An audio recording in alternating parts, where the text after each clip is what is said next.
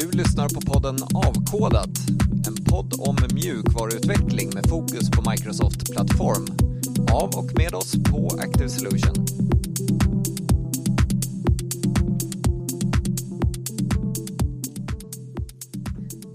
Så, välkommen till dagens Avkodat. Idag tänkte vi prata lite om testning.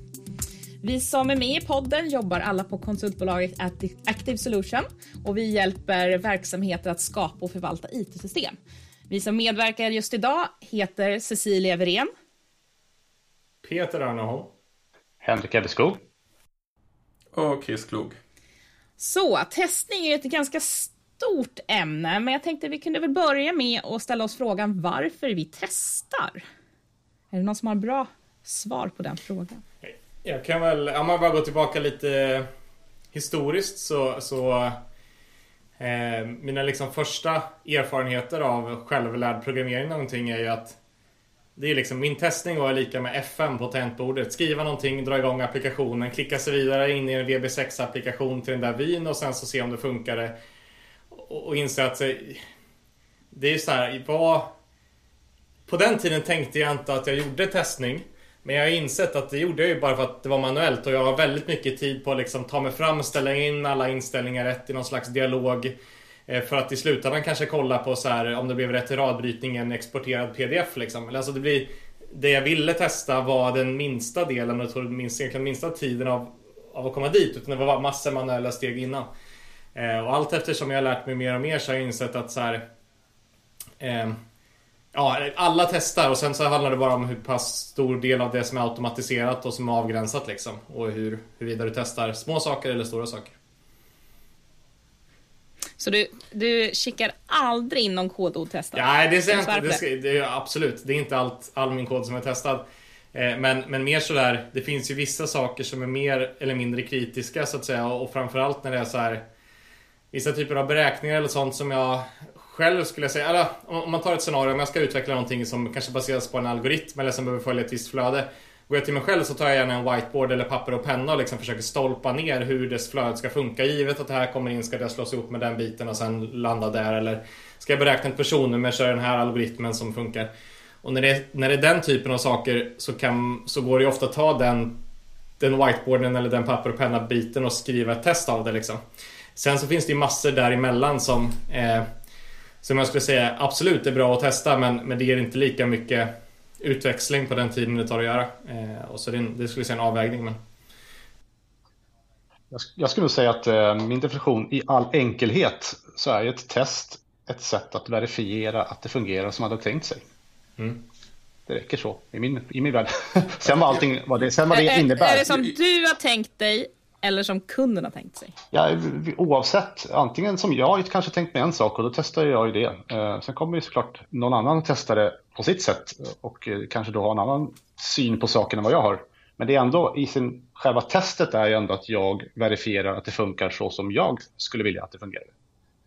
Eh, jag tycker det, det, är intressant. Jag hade förväntat mig eh, Henriks svar faktiskt att ja, men det är ett sätt att verifiera att det fungerar och liksom, det är ett sätt att säkra upp det och se till att det inte är buggar och grejer. Men jag, jag gillar det faktum att Peter faktiskt började i en annan ände, för jag är lite likadan. När det kommer till enhetstester, eller unittester, så för mig så är den här grejen att kunna exekvera min kod under, direkta, under de förutsättningar jag vill ha. Så att när jag sitter och skriver den att jag ska kunna köra någonting utan att behöva trycka FM, kompilera, gå in i, fylla i ett formulär, fylla i information i formuläret, trycka sänd, se vad som händer. Utan för att få lov att köra den här funktionen specifikt med de parametrarna jag vill ha. Att det sen blir incheckat och automatiserat och körs på byggpipelinen, nice bonus. Men för mig är det den här snabbheten av att, att kunna göra det som, som betyder väldigt mycket.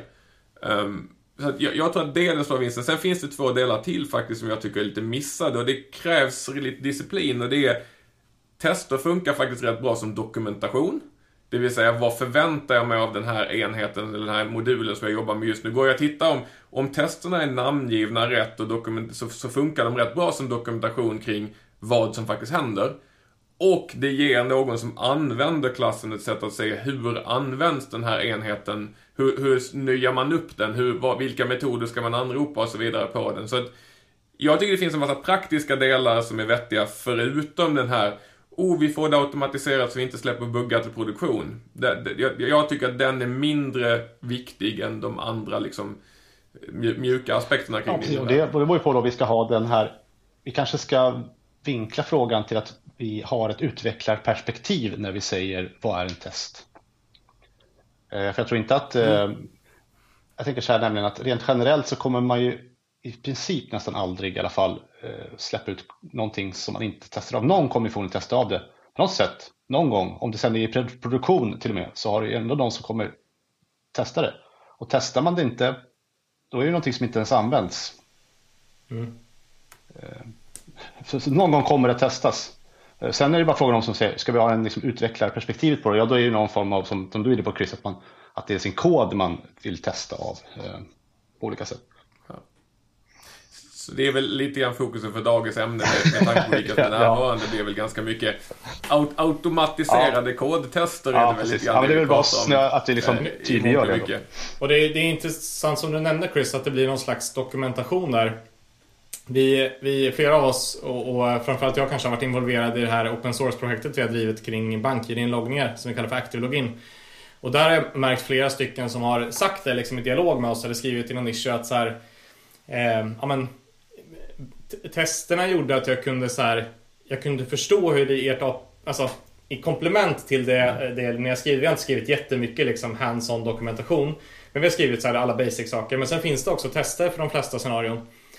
Eh, allt ifrån så här hur ett personnummer ska se ut till liksom, eh, att, att datan krypteras rätt och hela faderullan. Och, och den där, då kan man hoppa in i ett test och kika liksom. Så förutom att vi känner oss bekväma att det lirar så, så kan en utomstående också kika på ett test och då också bli mer trygg i att så här, kan vi för det är ändå så här, att lita på en tredje part för att använda BankID, det är ändå ett steg liksom. Och då kan, då kan en del av den verifieringsprocessen bli att läsa igenom testerna. Och förutom att förstå hur biblioteket funkar, även liksom känna sig mer trygg i att det faktiskt kommer lira i produktionen. Så det blir en... Eh, eh ja, det blir, det blir någon slags eh, sätt att ta sig an att lära sig ett nytt bibliotek eller en ny kodbas. Det, det, det, finns en, det finns en jättebra dragning eh, med Kevlin Henny om eh, unit-tester eller enhetstestning eller automatiserade tester och just namngivningsdelen där han pratar om en sån här enkel sak som eh, eh skottårsreglerna. Mm. Där han liksom går igenom hur man kan namnge testerna. Alltså, rätt ofta är det att man anropar liksom oh, om jag skickar in 2000 så returnerar den true eller false. Om jag skickar in 79 så, 1979 mm. så returnerar den de testerna validerar mycket riktigt att koden fungerar, men om man istället skriver testerna att alla årtal som är delbara med fyra är skottår. Ja men jättebra, det är det. Så alla år som är delbara med fyra men inte delbara med whatever det är, är, är inte skottår och så har man, så då blir det liksom, då läser man de här 6-7 testerna som behövs och så förstår man, vänta här står ju alla reglerna för mitt test istället för bara År 2000 var, ett, var inte ett skottår. Eh, år 2000, liksom whatever, 4 var, var, var och så vidare liksom. Så att, ja, den, den dragningen är faktiskt rätt bra. Jag gillade den. Jag, jag har själv tagit lite så här, fan man namnger testerna, inte, inte bara oh, vi ska ha någon standard som är klassnamnet och metodnamnet gör det här, utan det här är regeln som gäller så att ja, man kan du, läsa du det. Du berör ett generellt ämne tycker jag som är väldigt intressant gällande det också. Det är det här med Eh, Eh, jag tror att testning får ett ganska dåligt rykte för att vi generellt sett är ganska kassa på att skriva tester. Och allting som man gör kast, det kommer få ett kast, kast med dåligt eh, utkomst också utav det. Så att jag tror att tester, och jag kan säga att jag har väl hållit på med testning nu i över tio år och jag känner som att jag fortfarande eh, lär mig som med programmering i övrigt. Hur, precis som du är inne på Chris, hur gör man tester så att de är läsbara, begripliga och så vidare. Ja, vi har väl alla suttit i det här projektet när man ändrar någon liten, liten grej och så ramlar 50 test sönder. Så bara, det kan inte vara det, så här. Det, det, ja, det, det kan vara bra. och det är bra. bra. Testerna är bra att de är där när man ska refaktorisera och som ni säger att man inte ser att man har sönder någonting som funkar mm. förut mm. eh, under förutsättning att man har full, full bit. Så att Fast... Det är ganska nice att, att börja och titta liksom att okej, okay, är den här funktionen som jag nu ska in och peta i, har den tester? Har den inte det så komplettera med tester. Det är, det är ganska bra tillvägagångssätt att se att den liksom testar de här grejerna som jag har tänkt ändra på nu så att det kommer att slå. Men det där är också, nu jag, jag kanske är extrem i min testnings, eh, ja, ortodoxism, eller säger man? Ja, jag, du är extrem. Exakt, så, så, så, vidare. vidare. Men jag tycker ju sådär, jag får ofta, man hör ofta sådär tycker jag så att Ja, jag ändrade här och så small tio tester. Då säger alla, och det är så jobbigt, så jobbigt, åh, jag hatar tester. Jag säger bara, ja, fan vad bra att vi hade de här testerna som verifierade Ja, att ja. ändrade du här så small det på tio ställen. Det är fantastiskt. Jag ser det som en, som en, som en vinst. Det var därför vi har tester. För att ändrar du en bokstav i en test så skulle jag egentligen vilja ha. Men okej, det är extremt. Det kan ju finnas scenarier där det, där liksom så här, det gör inte jättemycket om just den här grejen är fel. Men har, det finns ju sådana scenarier. Men annars ska jag säga att är det ett JSON-svar i något API som får en stor bokstav någonstans istället så kan det vara så att integrationen mot ett annat system faktiskt failar på grund av att de inte hanterar en stor bokstav där. Så det är ganska bra att vi faktiskt har ett test som verifierar att det blir inte en stor bokstav här på den här parametern till exempel.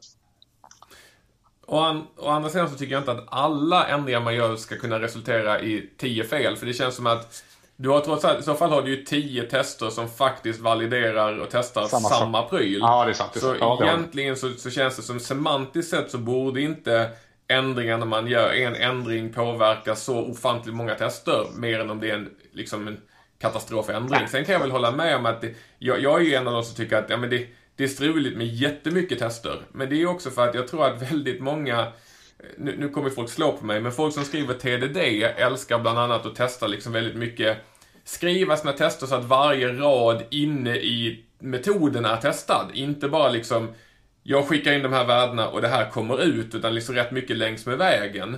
Och det gör det jäkligt mycket jobbigare att, att refaktorisera saker, för då smäller tester för att jag ändrade hur implementationen var utförd.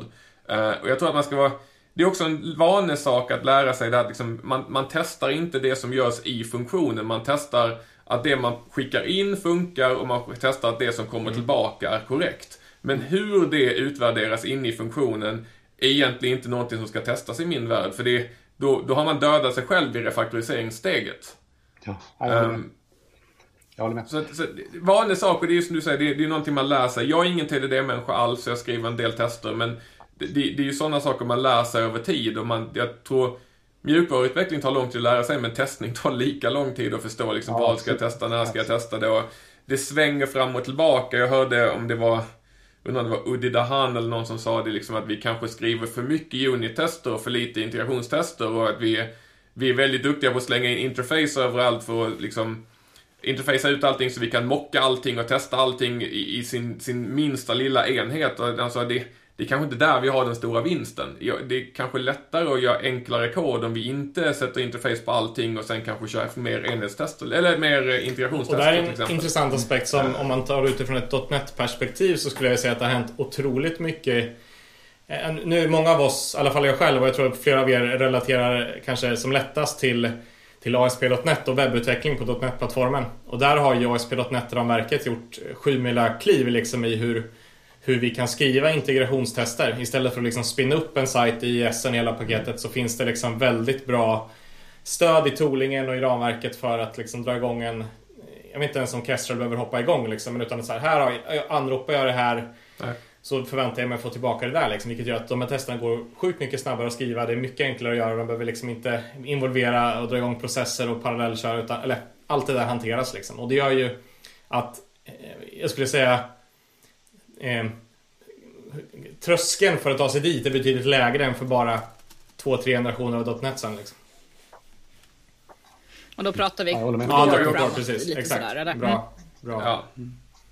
Det, är så, det, gick, det, gick, det, det går, alltså Web API redan på .NET Framework gick att spinna upp på det viset och bygga en testserver. Så att om man inte körde MVC utan Web API-delarna istället som ju var frikopplade från MVC-delarna. De gick att spinna upp och köra in memory också har jag ett visst minne av. Det finns verkligen ingenting som hindrar en från att skriva, framförallt om man bygger API endpoint, så att faktiskt validera att det som kommer tillbaka, som Ebbe Skogs exempel med en stor bokstav eller någonting i JSON kan vara förfärligt liksom om, om, och förstöra hur mycket som helst.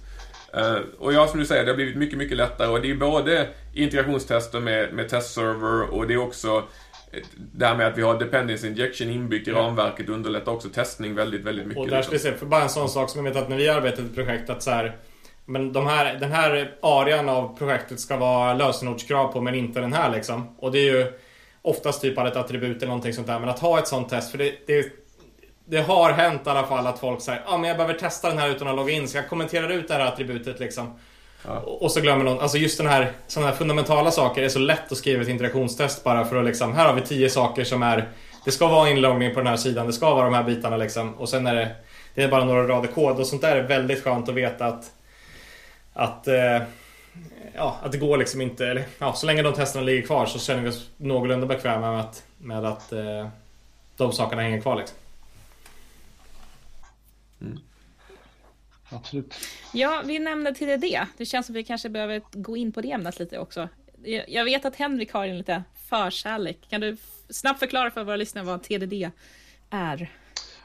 Ja, vi hade faktiskt en sån liten övning på kontoret här på Active Solution för några månader sedan. Där vi skulle försöka definiera vad TDD var. Det var inte helt lätt. Men jag ska ge min syn på det. Jag, tycker att i all sin enkelhet så är det helt enkelt att man skriver testet innan man skriver produktionskoden. Det räcker så. Eh, sen betyder det i praktiken eh, vad man sen faktiskt, för att det ska fungera på ett bra sätt, då, ska säga, så, så innehåller den i sin tur då hur man ska göra, eller hur och hur, men det innefattar ju en del saker i sig. Att kunna göra det på ett bra sätt så att man kan skriva testet först och sen sin produktionskod. Och vad ska jag säga då är fördelar med det? Jag ska säga att jag ser två fördelar med att skriva testerna först. Eh, den första fördelen är att man tvingas ta små steg. Och där pratar ju Kent Beck om i sin eh, TDD-bok, eh, som är ganska gammal nu, men han pratar om olika växlar där. Vi var inne på det tidigare också. Hur, hur, vilken växel vill jag köra på? Är det liksom en brokig stig, eh, då kanske man inte ska ligga på femmans växel och köra på, utan man, då ligger man på ettmansväxel och då skriver man små, små tester hela tiden. sen kan man kanske när man känner sig mer trygg där man är, kör man på motorväg, då kan man lägga i femman. Han pratar om sådana saker. Det beror lite grann på vilken växel. Men att man ändå eh, med TDD kan lite grann tvingas ta de här små stegen och liksom utforska. Eh, det tycker jag är en fördel. Eh, och sen en annan fördel att det är att man faktiskt får tester. Det bästa sättet att få tester är att skriva testet först. Ja, det låter rimligt. Alltså man, man kan säga så här, man, man kan göra många, många projekt så här, men sen ska vi tester också. Ja, men det tar vi sen. Det blir inte det. Då gör man inte, kanske inte det sen. Och att jag tycker också man upptäcker också, har man en testbar kod tycker jag också får väldigt många kvalitetsfördelar generellt. Det är oftast lättare att refaktorisera testad kod, eller testbar kod. Ehm, det är oftast lättare att testa den då, rent generellt också. Jag kan säga, jag, jag instämmer helt och hållet med din definition av TDD med tanke på att det står för Test Driven Development. Det är ditt test driver din utveckling. Du börjar skriva ditt test och sen så driver det testet dig till att skriva någon form av lösning som gör testet grönt. Eh, sen är jag ingen TDD-människa överhuvudtaget. Jag kan, inte, jag kan inte jobba på det viset. Och jag har pratat med en hel del människor som säger samma sak och det är att jag har jag, jag får en problemställning så drar jag upp en, en ganska snabb bild i mitt huvud och sen så är jag typen som prototypar en, en lösning och sen refaktoriserar den ett antal steg och skulle jag göra det samma ögonblick som någon som säger till Nej, nej, nej, skriv inte kod, skriv ett litet test här nu för den här lilla saken och så skriver man, ska man sätta igång ett testprojekt och ska man skriva ett litet test och så ska man skriva lite kod och så ska man och vad var nästa grej? Då har jag redan glömt bort var jag befinner mig Men då någonstans. kommer det för sent. För... När du sa att du hade din första tanke där om ungefär hur du ska lösa och så Det är då du ska göra testet. Det är därför det inte funkar ja, för dig, det, för du gör det, det Ja, fast det är det som är saken. Nej, men det är det saker. Jag tänk, jag, när du ger mig ett problem så tänker inte jag en liten del av lösningen, utan jag ser liksom en till en alla stegen som ska göras. Så du ska ju antingen sätta mig ner och skriva alla testerna det första jag gör, vilket då är en dålig lösning eftersom man skriver ett i taget, och om jag skriver alla testerna först så har jag i princip förutbestämt hur koden ska fungera, vilket i min prototypstadie inte inte är det som är sant, utan jag skriver ett prototyp och så det funkade inte, jag testar någonting nytt och så vidare. Uh, och, och liknande saker. Så jag har svårt att få det att funka för min del. Uh, och nu vet jag alla sitter, om du bara lägger ner mer tid. Nej, jag har lagt ner mer tid. Nej, men jag, tror, jag alltså, håller med dig. Jag tror att det är liksom jag har också väldigt svårt för TDD. Jag, jag kan göra det, men jag, också, jag börjar koda så fort jag har problemet, om man säger så. Jag börjar koda mm. mitt huvud och då blir det liksom det där glappet. Sen kan jag jättegärna skriva test när jag är klar eller halvklar istället för att liksom spinna upp hela applikationen och klicka runt och, och testa liksom, så jag verkligen får de här casen och då kan jag gå tillbaka och läsa definitionen på kraven igen för att se exakt vilka tester jag skulle behöva skriva och sådär. Men jag tror att det kanske är lite så här man, man, är ju lite olika hur man tänker och hur man jobbar med saker och ting så att jag tror, mm. tror inte att TDD passar alla heller. Jag ska bli lite, jag ska bli lite tråkig och säga då att eh, jag håller med er. jag, skriver, jag skriver kanske nästan aldrig till det då. Alltså, jag kan säga så jag har precis som er faktiskt. Jag har, får jag en problemställning så tänker inte jag hur ska jag testa det här. Så jag tänker faktiskt hur fan ska jag lösa det. Eh, och börjar skissa upp på en design kanske eller börjar skriva ner, liksom katta ner lite kod för att jag vill få upp någonting i mitt huvud hur det ska gå till. Eh, men eh, sen handlar det bara om... Och då är det ju per definition inte drivet av testerna. Nej, precis. Men ibland så gör jag ju det. Alltså, förstår jag, liksom, förstår jag, jag kan känna att jag ibland kan välja, för jag känner att ska jag exempel skriva en validerare till någonting, då kan jag känna att det här är perfekt. Eller att jag skriver någon form av logik på något sätt som inte egentligen är så mycket beroende någonstans. Jag bara ska skriva någon liten motor som gör någonting, spottar ut en siffra eller vad som helst. Då kan jag känna att det här är liksom perfekt för att bara, nu ska jag skriva ett test bara. Hur är jag som användare av den här koden? Hur ska jag angripa det? Och hur vill jag? I de lägena kanske jag inte, då börjar jag faktiskt med tester. Det händer. Men det är inte alltid jag börjar med tester heller. Jag börjar... Nej, och där finns ju en liten detalj det du säger, förlåt jag avbryter, men Ja. Då har du alla spesarna i förväg. Du har kravställningen ja, klar. Du har det här är de regler, regel 1, 2, 3. Det är den här kodkarta-grejen som folk alla tjatar om. Oh, man gör en kodkarta för att lära dig TDD och lär dig en tennisräknare liksom för att räkna tennisresultat och grejer. Fast där är det väldigt, väldigt enkelt, väldigt definierat. Det här mm. är reglerna du ska mm. implementera. Och helt ärligt, hur många sådana projekt jobbar... Jag vet inte hur många ni jobbar på, men det, under mina 20 år så har jag jobbat väldigt mycket med bygga saker som, liksom, nya saker som inte ska funka, demo-applikationer och liknande saker för att se, se att det funkar och liknande saker. Och där finns inte kraven upfront på det viset. Och när det, det, det är som du säger, finns det spes, oh jag ska bygga en personnummervalidator, Peter, eh, så finns ju reglerna liksom ganska väl spesade och går liksom mm. att skriva mm. ner. Men när det kommer är, eh, bygg, en, bygg en klass för att kommunicera med det här API som du har en halv definition av hur det fungerar. Mm. Betydligt svårare. Jag håller med. Jag håller med. Men det finns, jag tycker ja, att det finns eh, olika, det finns alltid i alla projekt tycker jag, i stort sett alla projekt finns det nivåer av eh, sådana, det finns inslag av små logiksnurror. Det kan mm. vara som att, nu ska jag inte avslöja en kund här, men man kan säga, eh, är den här kunden avstängd? Det är, ja. perfekt, det är perfekt så här, att skriva, börja skriva tester för det. Som, mm. som ingår i ett lite större sammanhang. Men jag kan testa den här väldigt isolerat, den här lilla den här lilla biten av koden kan jag testa väldigt isolerat. Bara skicka in de här parametrarna så, så, så får jag tillbaka ett mm. true eller false. Liksom. Eh, och då, det, för det, ja. jag, vet, jag minns en typ lektion från universitetet när vi lärde oss eh, typ, jag vet inte om de använde begreppet till det, men vi skulle skriva, det var liksom krav att skriva testerna först och då var det just en så här Uppgiften var att bygga en le läxor, kallar man det så? Alltså Tanken var att så här, som användare skulle du kunna skriva in ett matematiskt tal men det var begränsat till plus eller addition, subtraktion, multiplikation, division. Och så skulle den liksom Ja men precis, men inte en fullfjädrad men du skulle kunna skriva in den som fritext och sen trycka enter och så skulle den räkna ut det då liksom, och då skulle det bli en läxor och då var det så här, man fick ju lite handledning. Och då var det väldigt tydligt så här ja, jag behöver kunna hantera det här scenariot och så skrev man ett test för det och så kunde man börja med att bara supporta addition och så var det enkelt och sen la vi till några testcase för subtraktion och sen så och då, men jag håller med, det är så här att bygga business-applikationer så är ju 80% inte den typen av logik liksom. Och sen så finns det ofta en kärn, kärnlogik som kanske är så det handlar ju om men det är så som positivt då i alla fall det är att sådär eh, som jag tänker med många saker när, när jag ska lära mig någonting så behöver jag ta det till sin extrem för att lära mig att ja, men det är ett ganska bra pattern att till stor del i alla fall initiera mina beroenden så det blir tydligt hur min struktur ser ut och sådär. Och sen om jag sen, när man väl har kommit in i det arbetssättet, då är det inte alltid till det kanske är... Men just i en sån här... För någon som vill lära sig så kan det vara bra att ta det till sin extrem för att, liksom, att det ska sitta i ryggmärgen. Och sen så eh, är det inte så hela kodkata-grejen är att när du väl liksom är master på det här då kan du ta ett kliv tillbaka och se när du ska använda vilken metodik men du vet varför du ska plocka Eh, kanske, nu vet jag att du har snackat om att Solid är dött Chris, men liksom, det finns ju massa saker i Solid som antagligen är bra och som, som främjar liksom ett 3D-tänk, men det kan du applicera på andra sätt utan att köra TDD och hela det blir korsbefruktning där på något sätt. Ska vi bara ta och förklara vad kodkata är? För nu har vi nämnt det några gånger här. Ja, så det kan vi ta. Det är väl, kata kommer ifrån eh, kampsport va, om jag inte minns helt fel. Mm. Att det är en övning som man är förutbestämd. Eh, som man, en rörelse som är förutbestämd. Som mm. bara övar man på mm. den tills den sitter i ryggmärgen. Och till slut så mm. kommer man då använda mm. den även i en riktig slagsmål för att den bara sitter där i ryggmärgen. Det är en kata, så gör man, har man översatt det till en kod. Ja, just det. Man gör samma, ja, det... samma övning där det är förutbestämt exakt hur du ska göra den. Och sen bara att sitta ryggmärgen.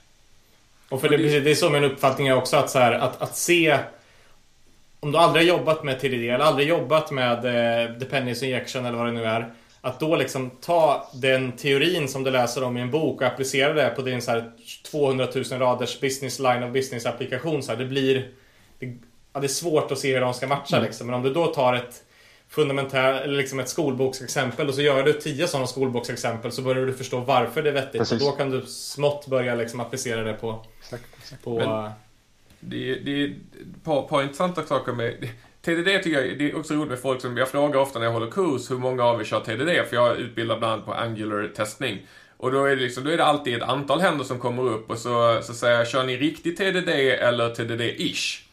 Nej, jag kör strikt TDD. Jaha, så du testar alla gets och sets på alla properties och kollar varenda metod som finns där och kollar att konstruktorn gör precis det den ska och lik- Nej, men de sakerna behöver... Ah! Då är det inte testdrivet, för då har det trillat ifrån den där. Sen kan jag erkänna att det, det lilla jag, jag har faktiskt har gjort kodkartor för, för att liksom testa för innan... Jag, jag tycker inte om att såga någonting innan jag själv har testat det, så jag har faktiskt skrivit ett par kodkartor. Det som är intressant för mig, det är att koden som kommer ut efter jag har skrivit det med kodkarta ser inte ut som koden jag hade skrivit om jag hade skrivit den utan testerna. Koden blir oftast, måste jag erkänna, elegantare och snyggare skriven i fallet att man har alla förutsättningarna upfront och kan skriva proper TDD och det är väldefinierade krav. Det, det ger jag det gärna liksom. Jag tycker bara att för mycket av min arbetstid läggs på typen av problem där det är väldigt svårt att implementera TDD i min värld. Och jag tror inte så många gör kartor. Hur många gör kartor egentligen? Man ska fråga samma fråga där, hamnar upp liksom. Här, nej, jag gör nog inte kodkartor särskilt ofta. Ja, vi, hade, vi, vi hade väl en diskussion för några år sedan på Twitter där jag också, nå, någon frågade efter, oh har ni några bra kodkartor? Och jag skrev, nej jag gör inte sånt, jag har bättre saker för mig. Typ. Ja, men lite så, eller hur? Pa- paraphrasing, och då blev jag påhoppad deluxe och då var det också någon annan som hoppade in och sa det att, men alltså, förlåt men jag, hur många har tid eller energi att sitta hemma och skriva kodkartor istället för att Ja. umgås med fru och barn eller gå och Utforska göra något annat ramverk eller kul, någonting liksom. Ja, exakt. Ja. Ja, men, jag ser det som en del, de gånger jag har gjort det, då har jag gjort det som en del av min kompetensutveckling på arbetet. Mm. Liksom, att så här, nu ska jag attackera, eller på samma sätt som att vissa ser bara en eh, film och så kan man alltihopa liksom. Och, och jag ser gärna film och lär mig, men sen så just att sådär Får i fingrarna. att appli- Ja, man får det i fingrarna och då kan det vara bra liksom att bara narrowa ner det sen. Men, men ja, nu var det länge sedan jag gjorde någon, men, men jag, jag upplevde i alla fall i början av min programmeringskarriär att det var väldigt vettigt sätt att få någonting avgränsat. Ja, det är sant. Det är, på och det är ett bra sätt faktiskt om man kanske griper tag i något nytt programmeringsspråk som man vill lära sig. Då kan ju en karta vara bra på det sättet att liksom, man vet, som du inne på, man vet, man, vet ram, man vet ramarna för vad jag ska göra. Och jag vet hur jag ska göra det, sen bara frågan hur jag gör det i det här språket. Och sen finns en intressant grej där och det är med nytt språk, nytt ramverk, någonting. Att göra det i ett nytt språk eller nytt ramverk gör också att man sätter upp en testmiljö. Så man provar, hur sätter jag upp automatiserade tester? För att där jag, jobbar, har jobbat en del frontend och jag tycker Angular är, är fantastiskt på det viset av att när du startar ett Angular-projekt så finns hela testramverket på plats. Det är liksom allting finns färdigt och klart och det underlättar för att skriva både integrationstester och unit-tester. Men ger man sig in i ett, ett Vanilla JS-projekt och ska själv konfigurera och sätta upp eh, testningsramverken via Node och, och få det till att funka. Det är inte helt snutet om jag ska vara helt ärlig. Så det är ett bra sätt att liksom få någonting genererat. Och jag brukar säga det på eh, när jag kör Angular-kurser också att Testramverket finns där. Skriv lite tester bara liksom på de saker ni tycker är bra. Men fördelen med att ha det på plats, även om ni inte skriver tester hela tiden, är att den dag det kommer in en bugg så kan ni åtminstone få den buggen spesad med ett test och sen fixa den buggen och sen över tid kanske lägga till era tester för att då undvika, eller liksom lösa buggar. Så vill ni inte skriva det direkt så skriv det vid buggrapporter. Det är åtminstone någonting. Och är allting på plats då så är det mycket lättare än att man får in den buggrapporten så bara det Åh nej, jag ska sätta upp ett testramverk och starta ett nytt testprojekt och jag ska sätta upp automatiserat. Bara, är det på plats så är det bara att köra. Ja. Ja, men ska jag återkomma lite grann, förlåt om jag avbryter ämnet, men vi pratar om TDD och extrem. Och det är ju faktiskt så att TDD kommer ju från extreme programming, så det är en extrem per definition, mm. ska jag säga. Och jag vet att om man läser då Kent Becks bok om uh, test-driven development så nämner han det här också just att han pratar om sin turn the knob to 10, alltså skruva upp volymen till max. Liksom. Om man, för han säger då, om, om du tycker att testning är bra, och då sa han ja det tycker jag är bra. Vad skulle hända om jag bara liksom skrev, vred upp ratten till 10 och körde, liksom, jag kör bara tester. Vad händer då? Uh, som ett, och så insåg han att ja, men det kom ganska bra grejer ut ur det här, tyckte han då. Och då tyckte han att, då döpte han sen om det då till TDD, att han liksom han insåg att det bästa sättet att, att skruva upp volymen till max var faktiskt att skriva testerna först. Så det är ju en mm. extrem form av att skriva tester. Det kan man väl säga per definition då, eftersom det kommer från XP och så vidare. Mm. Jag, tycker det finns en... Eh, jag håller med det du säger och det är verkligen ett extremt sätt att programmera i min värld. Men det gör också att det finns en liten avtändande grej med TDD och det är folk som utövar TDD i mångt och mycket. För att det, nej men alltså inte, inte mot alla, men det finns en, någon form sån här grej. De som gör TDD uttrycker väldigt gärna att riktiga mjukvaruutvecklare skriver TDD. Och TDD är det enda sättet att producera bra mjukvara på. Och i samma ögonblick som någon meddelar mig att det enda sättet att bygga bra kod eh, eller bygga bra mjukvara är på ett sätt som jag inte tänker, inte passar mig överhuvudtaget.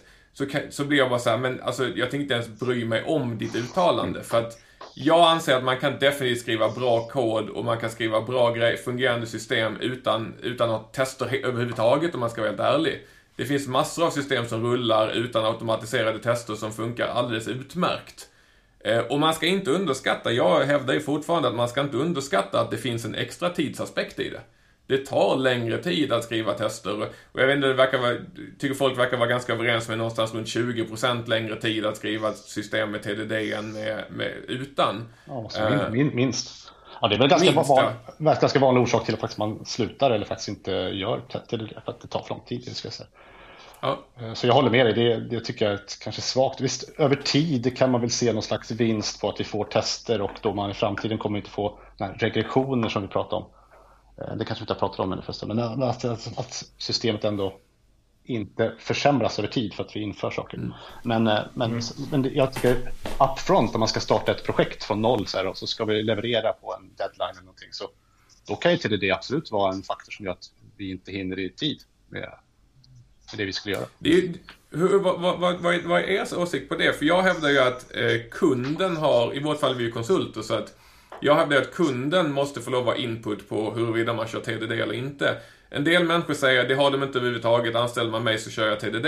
Och en del tycker som mig att jag kan köra TDD om kunden tycker att det är värt det, men jag tycker att kunden ska få reda på att det kommer att kosta 20-30% mer tidsmässigt. Både med att vi kommer att bli senare leverans och det kommer att kosta mer att köpa systemet. Um, och visst, med en teoretisk förbättring på kvalitet. Ja, jag tycker det är en jättebra fråga och grymt svår. Jag tycker den är jättesvår. Mm. Jag, tror inte det. Jag, jag, jag, jag, skulle faktiskt vilja sträcka mig till att säga jag skulle frågasätta alla som tycker sig ha ett svar på den frågan. Men det, men det, det, alltså, det är så otroligt svårt att säga, för, precis som du är inne på Chris, jag tror att om jag anlitar en snickare då förväntar jag mig att det köket han monterar är av så pass bra kvalitet som det bara går att få.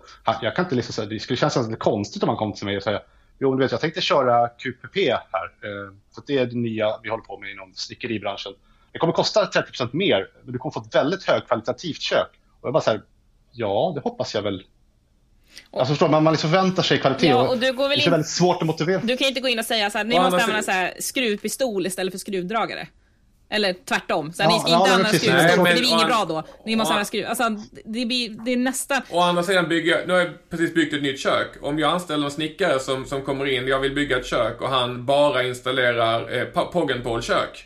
Eh, och inte ens berättar för mig att det finns ett alternativ att bygga ett IKEA-kök. Där Poggenpol kostar sex gånger så mycket. Eh, så är det ju... Då, då kommer jag ju antingen få en offert som jag bara avvisar direkt för att den är alldeles för hög.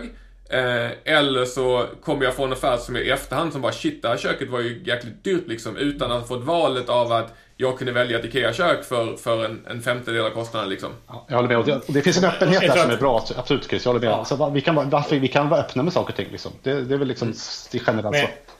Jag upplever ju att det är få av oss som är till den extremen att vi så här, testar varenda rad kod och sånt. Och då, där tycker jag det finns en dialog. Men samtidigt så är det så här, det dumma blir ju Får vi skriva tester? Nej, men vi ska inte skriva några tester. Och då blir det ju så här. Jag vill landa i att alla kommer behöva testa sakerna vi gör liksom. Och då känner jag personligen att ja, men då är det bättre för mig i alla fall att skriva automatiska tester. För det, det är jag helt säker på att jag mm. kommer tjäna ifatt liksom. Och sen är det väl sådär Ja, att vi skulle ta det TDD till sin extrem, att vi skriver test för varenda rad kod. Eh, fast, ja, jag upplever inte ja, att vi har fast ett det där är ju, nu är det, nu är det ju Automatiserade tester, ja. TDD är en annan fråga. Att vi ska ha mm. tester för att se att systemet funkar och ha automatiserade tester, det, mm. det anser jag vara liksom naturligt i alla system. Mm. Men mängden tester du skriver om du väljer att skriva TDD är, mm. även om vi säger att du kör TDD-ish och kanske tar bort de absolut enklaste use casen, så är det fortfarande mycket, mycket, mycket fler tester som ska skrivas. Mm. Jag, tror man, jag, tror det viktiga där är i så fall att definiera det för att eh, bara du får inte hamna i att så, nej men vi kan inte skriva testet före koden för då är vi TDD utan det, det, det handlar ju om ja. som sagt någon lite mer extrem definition av det. Ja, jag, jag tror att... Eh, ja, det är svårt. Eh, det viktiga är att det är en öppenhet i teamet och, med, ja, och att det landar i liksom vilken kvalitet förväntar vi oss och hur länge ska systemet leva. Och ja, kommer någon annan ta över förvaltningen av det här? Det kanske är så att så här, vi bygger det som ska kunna själv förvalta systemet och då kan det finnas en upside av att ha kompetensöverföring i testerna och sånt där också. Så att, ja, det är en... Men det leder ju till en intressant diskussion, för nu har vi pratat väldigt mycket enhetstester egentligen. Uh, integrationstester. Det finns ju den här mm. sköna testpyramiden som säger att i botten, basen är att vi har jättemycket enhetstester och sen så har vi färre integrationstester och vi har väldigt, väldigt, väldigt få end-to-end-tester. Är inte integrationstester egentligen ett väldigt, väldigt mycket bättre testverktyg än, än enhetstester? Är inte enhetstesterna väldigt mycket för oss som utvecklare egentligen medan enhetstesterna visar att faktiskt systemet fungerar? För att prova att googla enhetstester versus integrationstester och gå till image search på Google så ska ni få se bra byggexempel på hur man kan bygga saker där eh, liksom den här, det här fönstret går att öppna och det här fönstret går att öppna men om de öppnar samtidigt så slår de sönder varandra till exempel. Det, det, integrationstesterna ger ju oss faktiskt det som kunden vill ha, det vill säga att systemet funkar, inte att den individuella prytteln funkar. Ja, ja, ja, det är en svår fråga där också tycker jag. Jag tycker att eh, jag talar nu från erfarenhet av det projektet jag sitter i just för tillfället utan att släva det. Men där var nog ett väldigt stort problem i att vi hade för få faktiskt enhetstester om jag kallar det för det. Då, för att det var så, när, när, vi, när vi skickade liksom iväg koden till våran testare, eller QA-personen där, så fastnade väldigt mycket av och nej, det här funkar inte. Och då berodde det på så här, någon liten kodsnutt någonstans som inte fungerade. Som vi hade absolut enklast kunnat upptäcka i ett enhetstest direkt. Och det är mycket lättare att hitta det felet där snabbt i koden. Och så kan man liksom, när vi sen skickar koden vidare till någon slags integrationstest eller manuella tester eller någonting. Så vet vi i alla fall att de här små 90 gritty details, de är på plats i alla fall. Nu gäller det bara att försöka få hela systemet att vara, fungera som en helhet. Om, om du hade skrivit det testet. Ja, så, och då är det ganska tråkigt. På... Ja, exakt. Men annars är det ganska tråkigt om man sitter så här. Nu ska vi testa om systemet fungerar som helhet. Någon slags integrationstest eller systemtest, vad vi nu vill kalla det för. Ja, fast det är ju skill... ja, fast det, där är lite skillnad. Jag ser ju integrationstest är ju innan, innan i, liksom end-to-end-tester eller systemtester. Så att integrationstester kan du ju fortfarande bygga automatiserade. Det behöver inte gå iväg. Det är Nej, bara det, det att istället för att testa en, en funktion i en klass för du säger, ja men det var en liten 90 gritty grej vi hade missat i, som vi hade hittat med ett unit-test. Om ni hade kommit ihåg att skriva det specifika testet och hade ni kommit ihåg att skriva det specifika testet så hade ni nog kommit ihåg att skriva koden också. Så att integrationstesterna hade kanske tagit och satt ihop de där sakerna i en enhet och testat dem tillsammans mm. och sett er de felen liksom. För det, det du hittar på unit-testnivå hittar du ju på integrationstestnivå också i min värld. Ja, det kommer man ju, precis, det kan man göra. Eh, kan vara lite sådär att Eh, ju, ju, högre upp man flyger med helikoptern desto mindre kommer man se av de här edge case-fallen. Det är lättare tycker jag att testa ett edge case-fall i, i det lilla mm. än i det stora. Det är väl det som, talar, som, som jag tycker talar, mot, eller talar för att man ska ändå försöka hålla en ganska stor bas med enhetstester. För de här små edge case-fallen kan vara svåra att testa. Man kanske inte ens testar dem och sen integrationstest och sen visar sen när det här kommer ut i produktion så kommer det här edge caset i alla fall och så bara oj så smällde det. Eh, det jag säger inte att det är någon eh, att det bara är enhetstester kommer lösa jag, jag, det. Men, jag, ja. jag kommer tillbaka till den där att om du, om du är smart nog att komma på det här edge-caset för att skriva det unit-testet så skulle du lika gärna kunna göra det ja. på ett integrationstest. Det är sant. Jag, jag, tror, jag säger inte att vi ska ersätta alla enhetstesterna med integrationstester, men jag anser att de ger mer värde för produkten i min värld. Eh, och jag tycker att jag ser ofantligt mycket enhetstester i, i projekten jag är involverad i, men jag ser ganska dåligt med integrationstester. Mm. Det är jobbigt, det finns en databas, vi kan inte sätta upp en databas och köra testerna mot, det är jobbigt. man ska också komma ihåg att integrationstester måste inte nödvändigtvis gå hela vägen i databasen. Du kan ju, om du nu har mockningsmöjlighet, att mocka bort databasdelen men testa resterande delar liksom för att se, funkar den to end liksom? Och jag tror till och med att en hel del av de unit, unit test-casen som vi, som vi testar, de, de gör potentiellt till och med code som inte används i produktion överhuvudtaget för att de är liksom, någon hade tänkt att det här är nog bra i framtiden pryl. Ja. Ja, men jag, jag tror också att det är anledningen till att det inte görs lika mycket integrationstester för att som sagt, det är mer liksom setup för att få upp det, men som du säger, mer, mm. mer värde. Liksom. Men det är spännande, jag var med en bit på den resan som Henrik pratar om där, att vi gick från noll enhet och integrationstester mer eller mindre till väldigt många. Och det, det som var intressant, det var ju det att vi liksom i teamet bestämde tillsammans med kunden att så här, nu måste vi ha tester. Och så hade vi det mindsetet och varje gång man gjort ärenden så la man till 10-20 tester liksom, för man var in och tittade på en bit av koden som påverkade det. Och vi hejade på varandra och bara, nu har vi så här många tester och varje, så här, varje PR bara, titta hur många tester jag lagt till! så vi hade så här, hejade på. Det, till skillnad mot att man börjar från scratch och skriver tester lite löpande så var det väldigt kul att se hur vi gick från på ett år, liksom ingenting som, vi var väldigt osäkra på alla ändringar vi gjorde. Eh, och, och, den testare som, som jobbade fick testa allting i eh, acceptansfasen, liksom, och hitta allt möjligt. Tills att vi ändå kunde börja känna säkra på varje ändring, att det inte slog på ett helt annat ställe och sådär. Så, så jättespännande. Men just det här mindsetet i hela, att man är överens i teamet lite om vilken nivå man lägger sig mm. på och hur mycket man ska skriva. Och att så här, men, om du checkar in kod, det, det, ska vara något test med här liksom. Och att man liksom eh, säger till dem, så här, man borde du inte ha skrivit test på det här? Liksom. Visst, om du gör en UV-ändring, en stor bokstav till en liten på en knapp eller någonting, då kanske du kan klara det undan. Men som sagt, när du är nere i businesslogiken och ändrar och meckar med saker, så om du inte ändrar test så kanske, det borde, så kanske det saknas ett test här på det du gör. Liksom. Mm. Och jag hade faktiskt en eh, produktägare en gång på ett projekt jag satt i som, jag, som var väldigt, ja jag tyckte den personen var fantastisk som produktägare. Eh, vi började med att inte skriva tester då. eh, för det var väl lite grann som vi var inne på, det var liksom ett lite utforskande, då kändes det som att vi skrev tester. Men så frågade han på någon standup någon gång, men eh, har ni tester? Så här, Nej, skruvade vi lite på oss och sa. Men då sa han just det där som vi är inne på, men hur vet ni att det fungerar då? Bara, ja, ja, vi testar ju manuellt. Alltså, och då, då, kan ni inte bara automatisera det då? Om ni, om ni, om ni, om ni testar manuellt, automatisera det. Så, och det tycker jag är ganska skönt, precis som ni är inne på Cecilia, att, Cecilia, att det är en bra mindset. Liksom, att vara överens om att och i det här fallet var det så enkelt då, eftersom vi hade produktägare som sa att nu ska ni skriva tester för tusan. Mm. Men det, och det, det kanske enkelt. är så. Det kanske egentligen är ett dolt krav ibland. Alltså det, för, det förväntar ja, sig själv att vi testar det vi har kodat. Men frågan ja. är ju på vilken nivå som de tror att vi testar ja. om vi inte har skrivit ja. enhetstester. Liksom. De tror kanske att vi ska upp applikationen och klicka runt och testa det de sa att vi skulle ändra och det som är lite liknande och det som inte fortfarande ska funka. Alltså just den grejen som man kan täcka upp med lite testning. Liksom. Eller mm. förlåt, eh, automatiserade tester ska vi säga. Och det är ju, det är ju också, det finns ju, det finns ju en hel del företag som har en, en testperson som sitter och klickar runt i appen och har testskript på vad de ska klicka och vad de ska mata in och vad de ska göra. Ja, även sådana saker, men försök automatisera så mycket som möjligt av det så går releaserna går mycket snabbare dessutom. Och inte för att vara elak mot testarna, men man behöver kanske inte anställa lika mycket testare heller, vilket ju faktiskt är en ekonomisk grej att vi kan testa de här sakerna i, i mångt och mycket liksom automatiserat istället. Sen behöver man kanske testare som hjälper till och komma ihåg och, vad man ska testa, för de har ju ändå ett annat, annat insikt kring Precis. det här bör jag mata in. Här är en textbox där det står ålder. Det är klart jag ska skriva minus 32 här och se vad som händer liksom.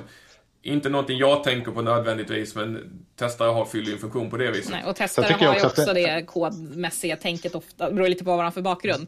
Men de kanske inte, mm. det kan vara nice att få in deras tänk och kod i våra pipelines. Inte så att det kommer i och någonting som kan vara svårt, precis, och någonting som kan vara svårt också, i att vi inte pratat så mycket om det, men det här, som du är inne på Chris också, jag tycker det skulle vara skönt om man liksom kan tvätta bort allt den här smutsen så att testarna kan fokusera på vad jag skulle vilja ha.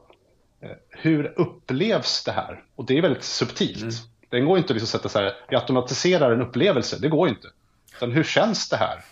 Det är inte jättebra att det validerades på det sättet. Det är, bra, det är rätt, valideringen är rätt, testerna går igenom. Men det valideras, det var inte riktigt så här jag vill som användare att det ska valideras. Förstår du med? Det är ett dåligt exempel, men ni förstår vad jag är ute efter. Att, att testerna mm. kan fokusera på hur är upplevelsen av det här systemet istället för att sitta och hitta massa edge cases. Ja, men det där kan man ju ta exempel som personnummer. Liksom. Man kan skriva personer på lite olika sätt. Man kan ta med eh, liksom, eh, med, ja, alla, alla årstalssiffrorna. Man kan ta med streck och utan streck och hit och dit. Eh, Ja, alltså man, Du, nu- jag, jag- jag måste- jag måste man, alltså som användare kan man, men per definition så finns det bara ett enda sätt att skriva personnummer. Men det Ja. tror jag inte alla är medvetna om och alla system följer inte ens den. Men att väldigt så här hårt eh, kräva att du måste skriva exakt som de tycker att man ska skriva, det vill säga eh, då kanske inte som det korrekta sättet. De kanske ger en hint om att det ska göras det, men sen i bakändan så finns det i alla fall lite lite funktioner som kan hantera det där. Eh, jag såg någon variant bara typ igår där man skulle skriva år, månad, dag. Eh, men så fort man hade typ okej-knappen så la den till 19 själv före personnumret innan den skickade iväg det. Så då är det liksom så här, varför ens hintar du att jag skulle skriva så när jag hade skrivit, ah, det blir så för, och det är sånt som du säger, en upplevelse, hur upplevs det här systemet? Är det liksom vettigt att vi tvingar den in i den här fast vi egentligen sen ändrar det? För att vi ska, och det är antagligen för att de följer någon test eh, test som de har gjort som att ja, men så här ska det vara. Istället för att liksom, eh, ja men lite användbarheten helt enkelt. Den, den är som sagt svår att automatisera. Precis. Men jag tror det är väl, det är väl sant. Jag, precis, jag tror att vi behöver ha, vi behöver ha manuell testning, framförallt sån här exploratory testning där de testar saker som man kanske inte har tänkt på som sådant. Eh, och jag tror att vi definitivt behöver unit-tester men, men, och, integrationstester. Sagt, var, det är bara en fråga om att hitta rätt nivå. Jag tycker bara att det kanske är för lite integrationstester. Jag kan säga att den absolut, jag, jag jobbade på, har jobbat på ett, ett projekt tidigare där vi hade mycket, mycket webb-API-prylar som returnerade JSON och JSON-data. Det var så jäkla skönt att ha integrationstester på de endpointsen så att vi kunde validera att den returnerade det som förväntades i att det var JSON parsable, att det innehöll rätt data och när vi sen uppdaterade modellerna och returnerade mer data så kunde vi skriva ett nytt test som validerade mot den nya datan enbart. Och varje gång man var inne och pillade i någonting så gick den hela vägen igenom och man kunde liksom snabbt bara kolla Har jag nu fått med mig alla liksom underobjekt och allting i den här eller har jag missat någonting? Sjukt smidigt sätt att få det på, att verkligen bara kunna, jag gör en ändring och veta när det går ut liksom att nej men den här svarar rätt, det är, det är rätt på allting liksom. Ja, men jag, jag gjorde ett sånt projekt också där vi faktiskt gjorde så. Vi testade att det här systemet skickar ut sig typ JSON liksom på det sättet. Och sen kunde vi liksom bara jobba ganska separat och sen sydde vi bara ihop två team. För vi hade satt upp kontraktet Mm. och så här ska det se ut. Och sen bara när vi provade det här så bara, ja, det lirar ju. Just för att vi hade gjort som du sa, där. vi hade liksom testat. Vi skickar det här outputet. Vi förväntar oss det här inputet, vi skickar det här outputet. Har vi bara kontrakterat det så kommer liksom sakerna förmodligen lira. Och det gjorde det också. Så det var ju faktiskt... Och det sköna med det är ju att precis du kan dela upp också för det innebär att kommer man överens med ett API till exempel om man bygger en BFF med en frontend också. Det, frontenden kan då börja jobba med helt mockade API-backends liksom. För det här är, här är kontraktet och sen så, ja men vi kan springa iväg och använda det kontraktet när vi validerar resultatet och sen så kan man bygga i princip helt separat och sen när man är klar så går det ihop utan allt för mycket problem i de flesta fall i alla fall. Ja, exakt. exakt. Och sen gäller det att tänka på en sak som jag skulle flika in också. Att många av de här, ska jag kalla mig själv för TDD-nörd kanske, men eh, jag vill ändå... Taliban ja, heter det. taliban. TDD. Ja, Även fast han var så inte det strikt så där är han bara nörd. Nej, just det. vet inte. Men om jag ska säga mest som säger, så tycker jag fortfarande det är fortfarande ingen all lösning på alla världens problem. Även om du har liksom 100% code coverage så kommer du förmodligen ändå hitta buggar. Alltså, det är aldrig, och det gäller också att vara tydlig med det tycker jag. Att varför vi inför tester nu så kommer allting, kommer hela världen bli fantastisk. Så är det inte heller. Utan, men jag tycker ändå att det ger ändå verktyg för att eh, förenkla ens vardag. På sätt. Men det håller jag med om. Däremot som du sa med att det löser inte kanske alla buggar i världen. Ska jag vara helt ärlig så tror jag att personligen att unit-tester egentligen löser väldigt få buggar i sig. För jag tror att för att hitta den där buggen så måste man komma på att skriva det där testet för det där edge-caset där den buggen uppstår. Och i min värld så är det, om jag kan, om jag kan tänka mig till att det fallet kan uppstå, så har jag ganska sannolikt också tänkt på det när jag skrev koden och lägger därmed med det. Och det är där jag säger att jag tror Unit-tester i all ära när man har mycket, mycket spesar och mycket krav färdigställda, men de där buggarna ser jag mer, jag kommer tillbaka till mina integrationstester liksom, för att de, de ger ett större spel. Att en, en sak som kanske ser rätt ut på unit-nivå kanske blir konstigt på, på en integrationsnivå liksom. Eh, Så det, det ska man ha i åtanke också. Och sen, sen är, tycker jag definitivt framförallt, även om man inte skriver jättemycket tester, kommer det in en bugg så skriv ett test på den buggen och se till att lösa det så att man kan, kan liksom automatisera bugfixen åtminstone. Det är minsta möjliga nivå av test i min värld. Mm, ja men det är jätterätt för det, det kan ju vara väldigt svårt ens att återproducera liksom felet eh, när man bara kör systemet. Men att däremot så här, ja men det verkar vara det här inputen och den outputen.